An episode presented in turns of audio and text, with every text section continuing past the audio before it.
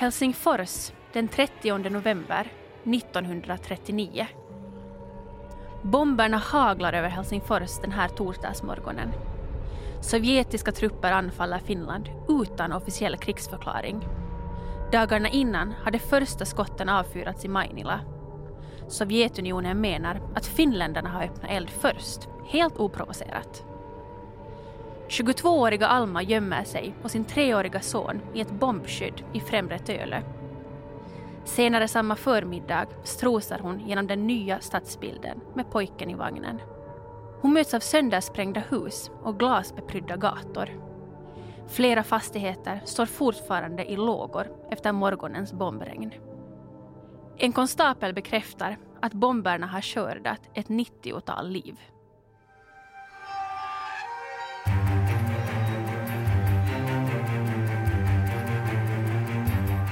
Du lyssnar på Hissapodden med Veronica Aspelin och Anna Öhman. Kvinnor i fosterlandets tjänst 1939 till 1945.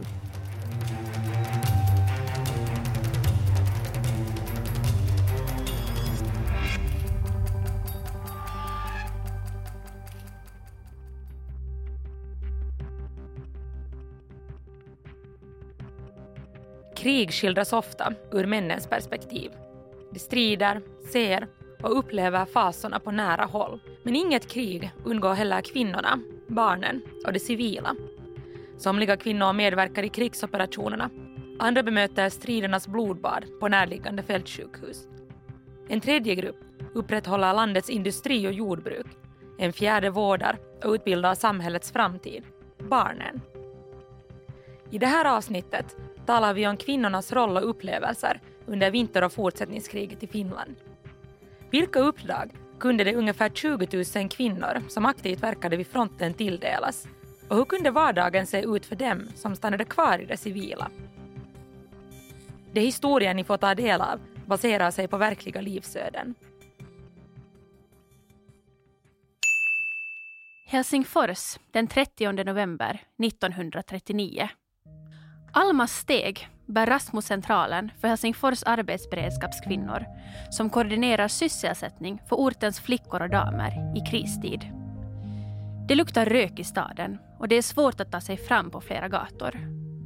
När hon väl når centralen chockeras hon över den långa kö som ringlar sig runt kvarteren. Hundratals kvinnor och flickor vill anmäla sig i fosterlandets tjänst. Så småningom får Alma motta en blankett hon lutar pappret mot den dammiga husväggen intill och fyller i de tomma raderna. Namn, ålder, preferens på uppdrag och arbetsort. Därefter skyndar hon sig hemåt, packar ner sonens viktigaste ägodelar och sätter honom och hans gammelmormor på en buss mot familjens landställe i Pellinge, östra Nyland. Där kommer det att vara i säkerhet. Rahola norra Karelen den 7 december 1939. Stridigheterna har pågått i en veckas tid. Stundvis sjunker temperaturen ner till mer än 40 minusgrader. Vid sidan om slagfälten utspelar sig en kamp om överlevnad med kölden som främsta fiende. Denna decemberdag fyller Marjatta 16 år. Trots sin unga ålder är hon högst medveten om det politiska spel som utspelar sig i hemtrakten och på kontinenten.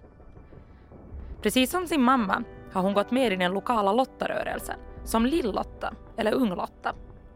Hennes mamma verkade som Lotta redan under inbördeskriget 20 år tidigare då rörelsen fortfarande lydde under de vita skyddskårarna. Idag finns lottarörelsen i hela landet och är politiskt obunden, åtminstone till pappers. Via rörelsen har Marjatta fått utbildning i brandsäkerhet och hur man ska agera vid luftangrepp. Den senare färdigheten visar sig nödvändig då sovjetiska bombplan snart glider in över Ladoga. Marjatta jobbar på ortens lottarestaurang. Därför ser hon soldatpoliser och annat vaktmanskap med mat för dagen. Just provianteringssektionen är lottarörelsens största. Under de första krigsmånaderna är Marjatta en av 35 000 kvinnor som bidrar med sin kokkonst. Efter avslutat arbetspass ägnar Marjatta sin tid åt handarbete Soldaterna behöver varma raggsockor och rena flanellunderkläder i den bitande kylan. Den här födelsedagskvällen 1939 tillbringar Marjatta i sällskap av sin familj och några grannar. Stämningen runt köksbordet är munter och Marjatta, som älskar att sjunga, bjuder på några toner. Under en kort stund glömmer de alla bort kriget som rasar runt hörnet. Marjatta var en av drygt 100 000 kvinnor som tog värvning i lottaverksamheten under vinterkriget. Rörelsens syfte var att bistå fosterlandet och organisationens värdegrund var kristen. Rörelsen bestod av fyra sektioner med egna ansvarsområden. Sanitets-, fältköks-, utrustnings samt kansli och insamlingssektionen. För att bli lotta avlade man minst en grundkurs i något av ansvarsområdena och svor en lottaed. Under krigsåren var också flera kvinnor och flickor verksamma i rörelsen utan att officiellt ha intagits i gemenskapen. Somliga, som Marjatta, var för unga för medlemskap. Andra hann helt enkelt inte genomgå rörelsens riter för att bli fullvärdiga lottor. Krigets praktikaliteter höll var och en sysselsatta från morgon till kväll. Petsamo, den 3 januari 1940. Sjuksköterskan Elsa hukar sig över en ung ylande man och trycker gasbindan över hans bröst så hårt hon kan. Klockan är inte mer än lunchtid men hon har redan stött på ett 40-tal blodstänkta kroppar. Hon möter män som skriker och svär av smärta men möts också av livlösa, apatiska blickar. Sängarna räcker inte till för alla. Sårade män placeras på golvet, på borden eller annanstans där de får plats. Lokalen stinker av blod, smuts och avföring. Elsa har jobbat som sjuksköterska i 16 år men vardagen på läkarstationen i Lahtis ser helt annorlunda ut. Nu jobbar hon mitt i krigets epicentrum som en av runt 700 sköterskor på landets fältlasarett. Positionen är inte frivillig. Hon har beordrats att ta emot tjänsten. Hennes lön är skrattretande och redskapen det är meningen att hon ska jobba med håller inte måttet.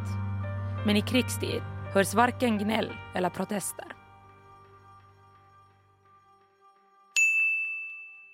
Helsingfors den 25 januari 1940.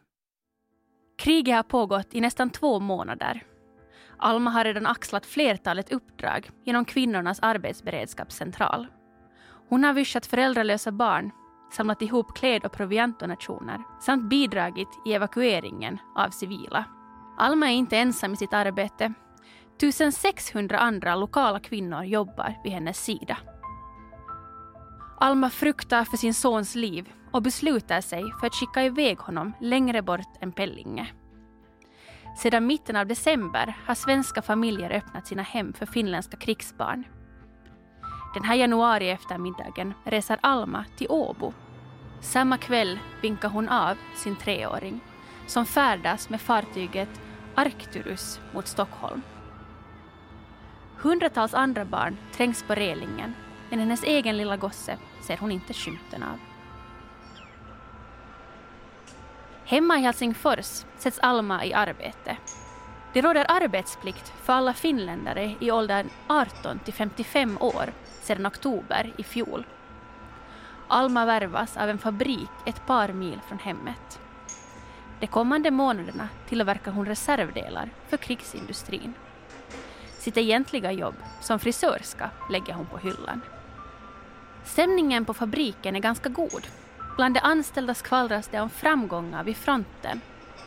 Man talar om finländsk sisu och soldaternas resistens mot kölden. Alma drömmer om att snart återse sin son. Efter tre och en halv månad av strider får finländarnas militära framgångar ett abrupt slut. Den sovjetiska övermakten var för stor. Fredsavtalet undertecknades i Moskva och fredsvillkoren var hårda. Finland tvingades överlämna enorma landområden till Sovjetunionen. Karelska näset med Viborg, Ladoga-Karelen med Kexholm och Sordavala, Utöör i Finska viken, ett område i Salla och Kuusamo och en del av Fiskahalvön vid Norra ishavet. Hangö udd arrenderades till Sovjetunionen på 30 år. Fredsvillkoren betydde att var tionde finländare tvångsförflyttades från sitt hem. Över 400 000 människor befann sig plötsligt på flykt inom landet. Många levde i tron om att de snart skulle få återvända. Hem och ägodelar blev kvar bakom den nya gränsen. Flyktingarna, som huvudsakligen kom från Karelen, placerades runt om i landet. För många innebar mottagandet av flyktingarna en ekonomisk börda. Somliga välkomnades, andra inte. Rahola, norra Karelen, den 13 mars 1940. I Rahola råder oro och panik. Lillottan Marjattas familj beordras att lämna byn. Först skickas barn och åldringar iväg. De arbetsföra vuxna kommer sist. 16-åriga Marjatta kör en av familjens hästkärror som är fullastad med syskon och grannungar. Föräldrarna vinkar osäkert iväg dem. Framåt, framåt! ropar en militärpolis i vägrännen åt de passerande ortsborna. Där och då, på den guppande hästkärran, inser Marjatta att hon knappast kommer att återvända hem.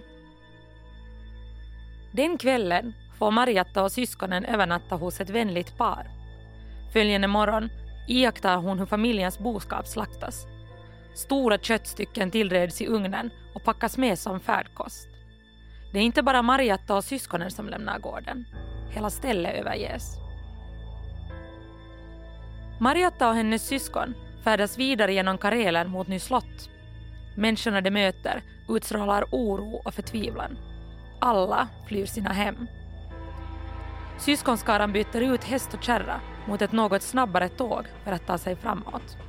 I slott spenderar barnen sina sista pengar på bröd, mjölk och tågbiljetter till Jyväskylä där de bestämt träff med sina föräldrar. Tåget tuffar långsamt fram genom ett krigshärjat Finland. Vagnarna är fullproppade av desperata människor. Nio dagar efter att Marjatta och syskonen lämnat gården i norra Karelen anländer de till Jyväskylä. På perrongen råder människokaos. Föräldrarna ser det inte skymten av. Ryktet säger att ortsbor från Rahola tagit sig vidare till Karstula. Kanske deras föräldrar också åkt dit. Utan ett penny i fickan åker barnen snårskjuts vidare genom landet. Konduktören hotar med att slänga av de unga fripassagerarna men visar barmhärtighet och låter dem sitta kvar. Följande dag anländer Marjatta och hennes syskon till Karstula. Syskonskaran tar sig till församlingshuset för att överlämna sina personuppgifter. De är hoppfulla om att hitta sina föräldrar dokumenterade bland de nyanlända.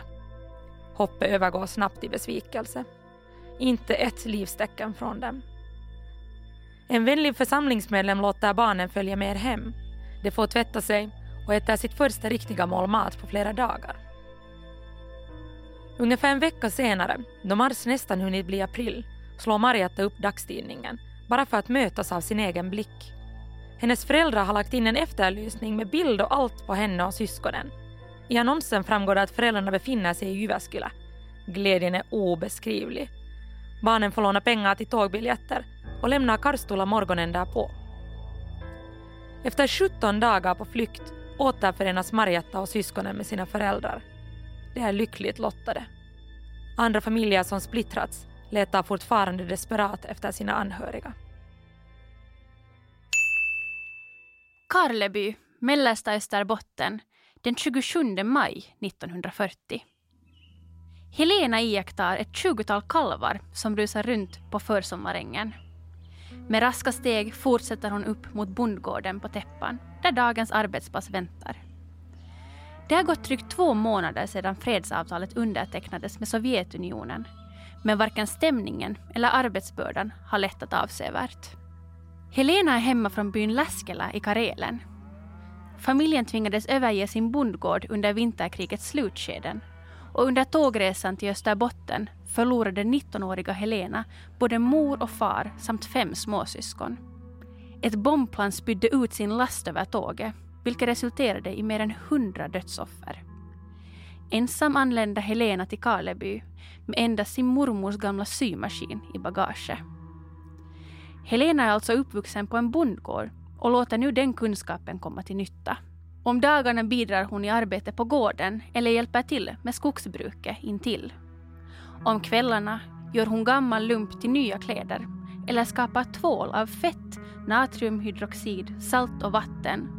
Det råder brist på allt just nu och inget material eller ätbart får gå till spillo. Under mellankrigstiden såg sig landets ledning om efter militärt bistånd från Frankrike och Storbritannien.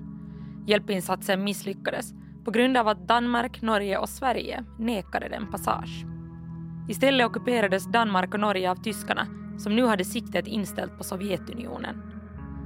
För att kunna förverkliga invasionen, Operation Barbarossa, behövdes tillgång till Finlands territorium. Finländarna var tvungna att välja. Välkomna tyskarna som önskade besegra bjässen i öst eller snart själva se sig krossas av Sovjetunionen. Regeringen valde det förstnämnda, vilket Sovjetunionen uppfattade som ännu en krigsförklaring. Snart trängde runt 500 sovjetiska krigsplan in i finländskt luftrum. Sommaren 1941 var fortsättningskriget ett faktum. Helsingfors den 25 juni 1941. Det har gått 16 månader sedan vapnen lades ner men nu skjuter bombsirenerna lika klart och tydligt som förr över staden. För 24-åriga Alma kommer kriget inte som någon överraskning. Hon har hållits sysselsatt i fabriken sedan senaste konflikter. Under vinterkriget utgjorde kvinnorna en knapp majoritet på fabriken.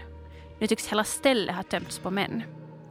Också de mest avancerade uppdragen sköts av kvinnor, något som tidigare hade framstått som fullkomligt banalt. Alma är inte ett ont anande om att den blygsamma lön hon lyfter för arbetet bara utgör hälften av sina manliga kollegors. Alma har heller inte sett sin son på 17 månader. Den numera femåriga gossen är redan en fullfjädrad smålänning med en ny familj och vardag. Men hon klagar inte över den psykiska stress krigstiden innebär.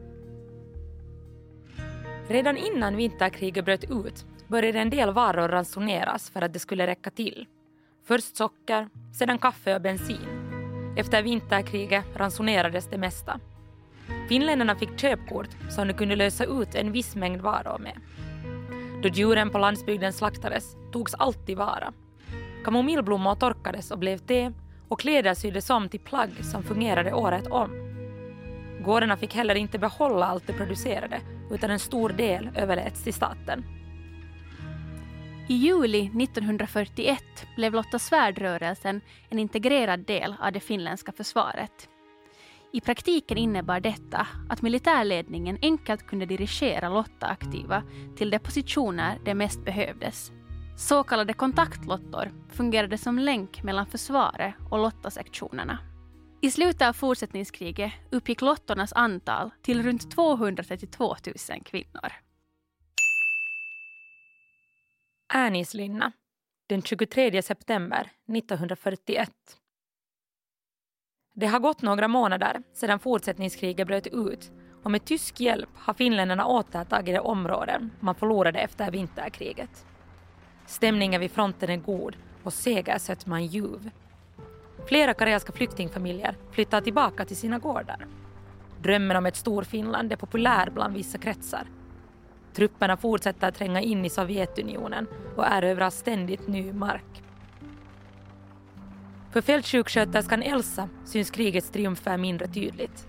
Sårade soldater anländer på löpande band och även om det nu är flera sjuksköterskor än under vinterkriget, totalt runt 80 000 i hela landet, är det ändå sällan många nog.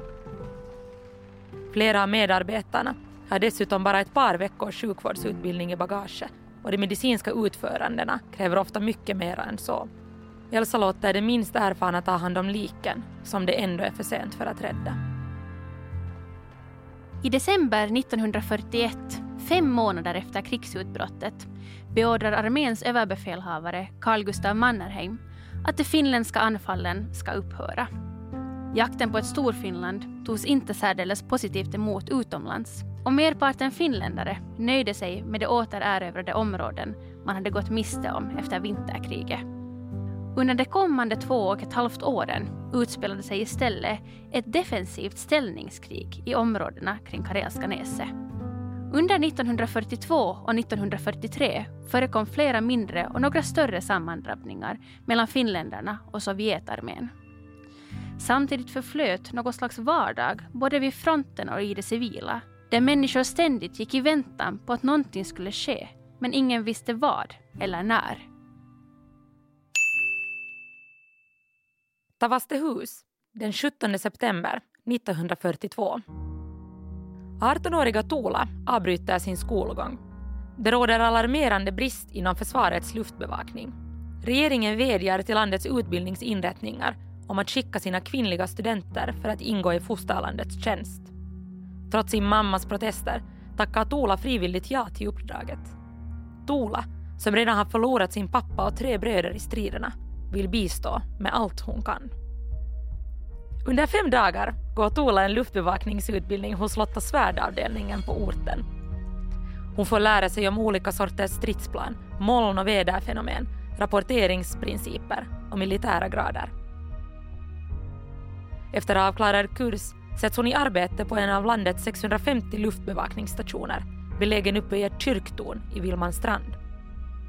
Flera av kollegorna är andra lottor. Totalt sett är det ett tusental i tjänsten och utgör mer än 11 procent av landets luftvärn. Arbetsmiljön är allt annat än trygg. Tola befinner sig bara några mil från fronten och utgör en enkel måltavla för fienden. 18 år gammal tillbringar hon långa arbetspass hopkrupen vid ett kikhål i väggen med blicken stadigt riktad upp mot himlen. När ett fiendeplan skymtas antecknar hon tidpunkt, väderstreck och antalet flyg. Informationen rapporteras omedelbart vidare till krigsledningen. Karleby den 3 oktober 1942. Soldaterna vid fronten må hämta andan, men på landets bondgårdar har man händerna fulla. Sockerbetor och andra rovor ska skördas, hö slungas och boskap utfodras. Närmare 14 000 extrainsatser inkallas till landets jordbruk det året. Helena, som förlorade hela sin familj under flykten från Karelen, hjälper gårdsfolket som nu består enbart av kvinnor och några fåtal män som är för gamla för att strida. Husfru Minna ställs inför ett helt nytt uppdrag. Att arbetsleda hela godset som mestadels sköts av stadsfröknar helt utan erfarenhet av dylikt arbete. Helena hör till de få som faktiskt handskats med boskap och lantbruksredskap sedan barnsben. Hon utför nu den sortens uppgifter som hennes far och bröder brukade ansvara för hemma i Läskela. När tyskarnas krigslycka vände tog finländarna raskt avstånd från alliansen. I februari 1943 började man istället i hemlighet se över ett fredsavtal med Sovjetunionen. På finländarnas önskelista låg samma landsgränser som innan vinterkriget medan Sovjetunionen krävde att få behålla det territorium man övertagit i mars 1940. Därtill menade fienden i öst att antingen Hangö eller Petsamo permanent skulle tillföras Sovjetunionen, krigsskadestånd betalas, tyskarna skulle fördrivas från landet och att den finländska armén demobiliserades. Den finländska regeringen vägrade ge efter för fredsvillkoren som presenterades i december samma år. Sovjetunionen rustade upp för fortsatta anfall. Helsingfors den 6 februari 1944. Den här söndagskvällen får Alma en smärtsam påminnelse om krigets närvaro. 730 sovjetiska stridsplan fäller totalt 7000 bomber över och runt omkring stan den natten. 350 bomber når mål i stadskärnan. Alma är lika överraskad som de flesta andra helsingforsare. Det har gått ett par år sedan senaste bombanfall och larmet går så sent att invånarna har svårt att finna skydd i tid. Dagen därpå hör Alma i radion om ett hundratals döda ortsbor. Också de materiella skadorna är betydande. Alma känner inte till Sovjetledaren Josef Stalins planer på att förinta hela Helsingfors och framtvinga fred. Hon är däremot smärtsamt medveten om konsekvenserna av den planen. Hon tackar gudarna för att hennes gosse är i tryggt förvar i svenska Småland. Tio dagar senare skjuter sirenerna över huvudstaden igen. Alma sover inte en blund den natten. Hon fasar över sitt eget liv, sina anhörigas och landsmäns. Alma är trött på tillvaron, rädd och desperat. Hon knäpper händerna och ber tillsammans med några kvinnor i det mörka bombskyddet på Dagmarsgatan. Klockan fem på morgonen upphör äntligen sirenernas tjut och bombsalvans dån. Ytterligare tio dagar går innan Sovjetplanen dumpar sin sista förödande last över stan. Den här gången är Alma mer beredd, men inte mindre skräckslagen. Efter det tredje attentatet har Helsingforsborna utstått kring 16 500 bomber på 20 dagar. Eller ja, det finländska försvaret lyckades faktiskt avvärja 95 procent av bomberna så att det istället landade i havet söder om fästningen Sveaborg. Finlands luftvärn var effektivt. Av de runt 100 plan som väl trängde in i Helsingfors luftrum sköts dessutom ett tjugotal ner. Alma hör framgångssagan om det finländska försvaret på radion. Hon är tacksam över att hon lever, men sörjer de 146 ortsbor som fått sätta livet till. Terijoki, Karelska näset, den 10 juni 1944. Luftbevakningslottan Tula har tagit studenten samma vår men är nu tillbaka i tjänsten som spanare. Den här gången befinner hon sig mitt i stridens hetta, bara ett stenkast från fronten. Hon sitter ensam på spaning i vakttornet när bomberna börjar hagla kring utsiktsposten. Tula gör som hon blivit lärd under Alotta-kursen. Hon kastar sig på marken, täcker huvudet, håller för öronen och biter så hårt hon kan i ett stolsben intill. Den sistnämnda handlingen lär ska kunna rädda hörseln. Tola tror att hon ska dö där och då. Hon tänker på sin familj och ber för sitt liv. Runt vakttornet sprängs träd och buskage till små flisor. Men hennes utsiktspost står kvar och till slut upphör bombregnet. Tola rusar mot luftbevakningscentralen så fort hon kan. Först när hon öppnar munnen inför avdelningens chef inser hon att hon gråter. I juni 1944 avbröts ställningskriget på Karelska näset till följd av en sovjetisk storoffensiv efterföljt av ett anfall vid fronten vid floden Svir.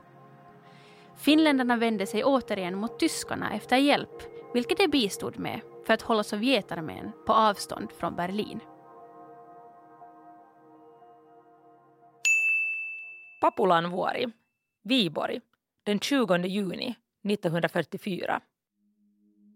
Ryktet säger att Sovjetarmén närmar sig Viborg med stormsteg. Luftbevakningslottan Tula och hennes kollegor blir beordrade att lämna stan. Enligt ordern kommer det att sättas i arbete på annat håll där det behövs mer.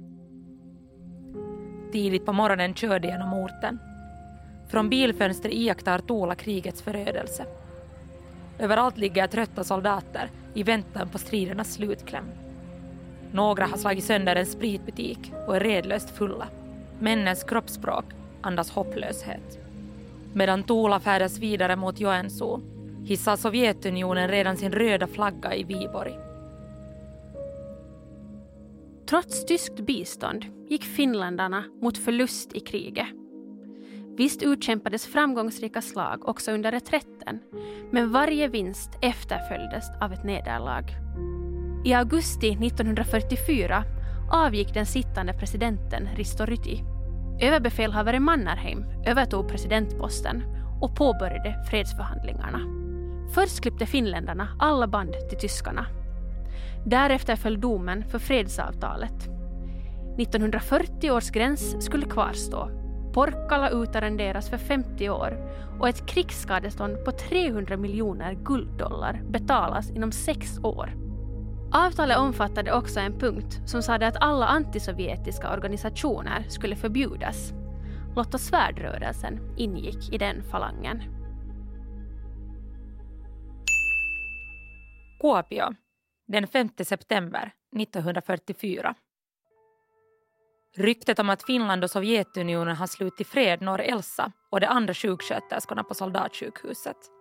Patienterna fortsätter strömma in trots att krutsalvan upphört. Män som har sårats för flera veckor sedan uppsöker äntligen vård. Några anländer med större psykiska än fysiska laster. I korridorerna syns ångestens, ilskans, smärtans och sorgens många ansikten. Somliga svävar i limbo mellan liv och död. Andra isoleras på grund av infektionsrisk. En del är lemlästade och invalidiserade för livet. Många har redan lämnat det jordliga bakom sig och ska rengöras innan det läggs i sin kista. Anhöriga kontaktas. Ytor skrubbas rena och desinficeras. Om kvällarna, när Elsa krupit i kojs, känner hon fortfarande stanken av blod, infekterade sår och desperata försök att dölja lukten av dessa kroppsvätskor och metallsåpa. Elsa vet att de här krigsåren kommer att prägla hennes liv så länge hon lever.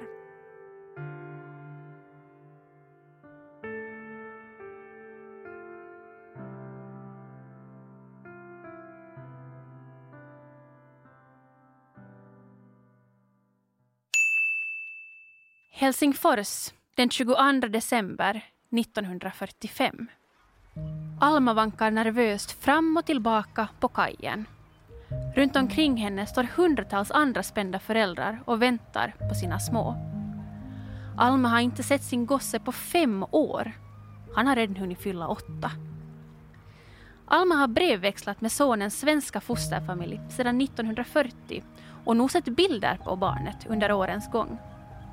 Redan i fjol bad hon dem återlämna gossen, men när Lapplandskriget härjade vintern 1944 till 1945 beslöt hon sig för att vänta lite till. Men idag, ett år senare och strax innan jul, känns tidpunkten rätt. Alma känner genast igen den påbyltade pojken som stiger i land. Han är klädd i tjock vinterjacka, röd yllemössa och rejäla skodon. Så högklassiga kläder bär inga av grannungarna i Tölö. Runt halsen på pojken hänger en lapp med både hans eget och hans mammas namn. Juha och Alma. Alma springer gråtande emot sonen men möts av en rädd, tom blick. Han känner inte igen henne och hon är inte längre hans trygga allt. Det har hon inte varit på fem år. När pojken väl öppnar munnen efter några sekunder av skräckslaget stirrande är det enda orden han kan finna. Jag vill inte vara här. Snälla, låt mig åka hem.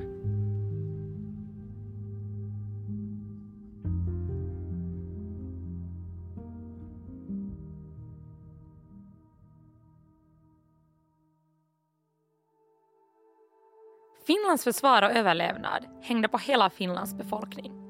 I vårt glesbefolkade och avlånga land krävdes att alla drog sitt strå till stacken. Almas, Mariattas, Elsas, Helenas och Tolas berättelser är exempel på hur kvinnor påverkades av krigshändelserna. Någon såg sig tvungen att skicka iväg sitt barn. En annan förlorade hela sin familj. En tredje tvingades fly sitt hem. En fjärde fruktade för sitt liv i frontens skugga. Alla arbetade det för fosterlandet. Den psykiska bördan var stor, också för de som befann sig på hemmafronten i krigets periferi. Vinter och fortsättningskrigen skördade omkring 90 000 finländares liv, bland dem en stor mängd försvunna. 1110 av de dödade var civila. 202 000 sårades och upp till 4 500 tillfångatogs. Det efterföljande Lapplandskriget vintern därpå, då tyskarna drevs ut ur Finland, bidrog med ytterligare 774 finländska stupade och några hundra försvunna. 113 av de som dog vid fronten var kvinnor. Ett 500-tal, särskilt lottor, invalidiserades till följd av krigen. Under krigsåren bidrog män, kvinnor, barn och åldringar enligt förmåga eller plikt. Efter att vapnen hade lagts ner fortskred ännu arbetet med att reparera och återuppbygga nationen. Många av de kvinnor som axlat typiskt manliga uppdrag under krigsåren stannade också kvar i arbetslivet. Det behövdes särskilt inom industrin för att möjliggöra betalningen av krigsskadeståndet till Sovjetunionen. För många innebar de följande åren långa dagar på jobbet efterföljt av ett skrikande behov av så kallade synnysystalkot, förlossningstalkon.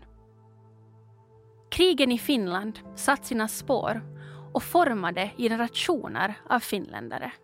Idag kan man fortfarande se spåren av krigen i bland annat vår kultur och vårt samhällsskick. Vårt samhälle, så som det ser ut idag, är sist och slutligen uppbyggt på en bärande grund. Solidaritet.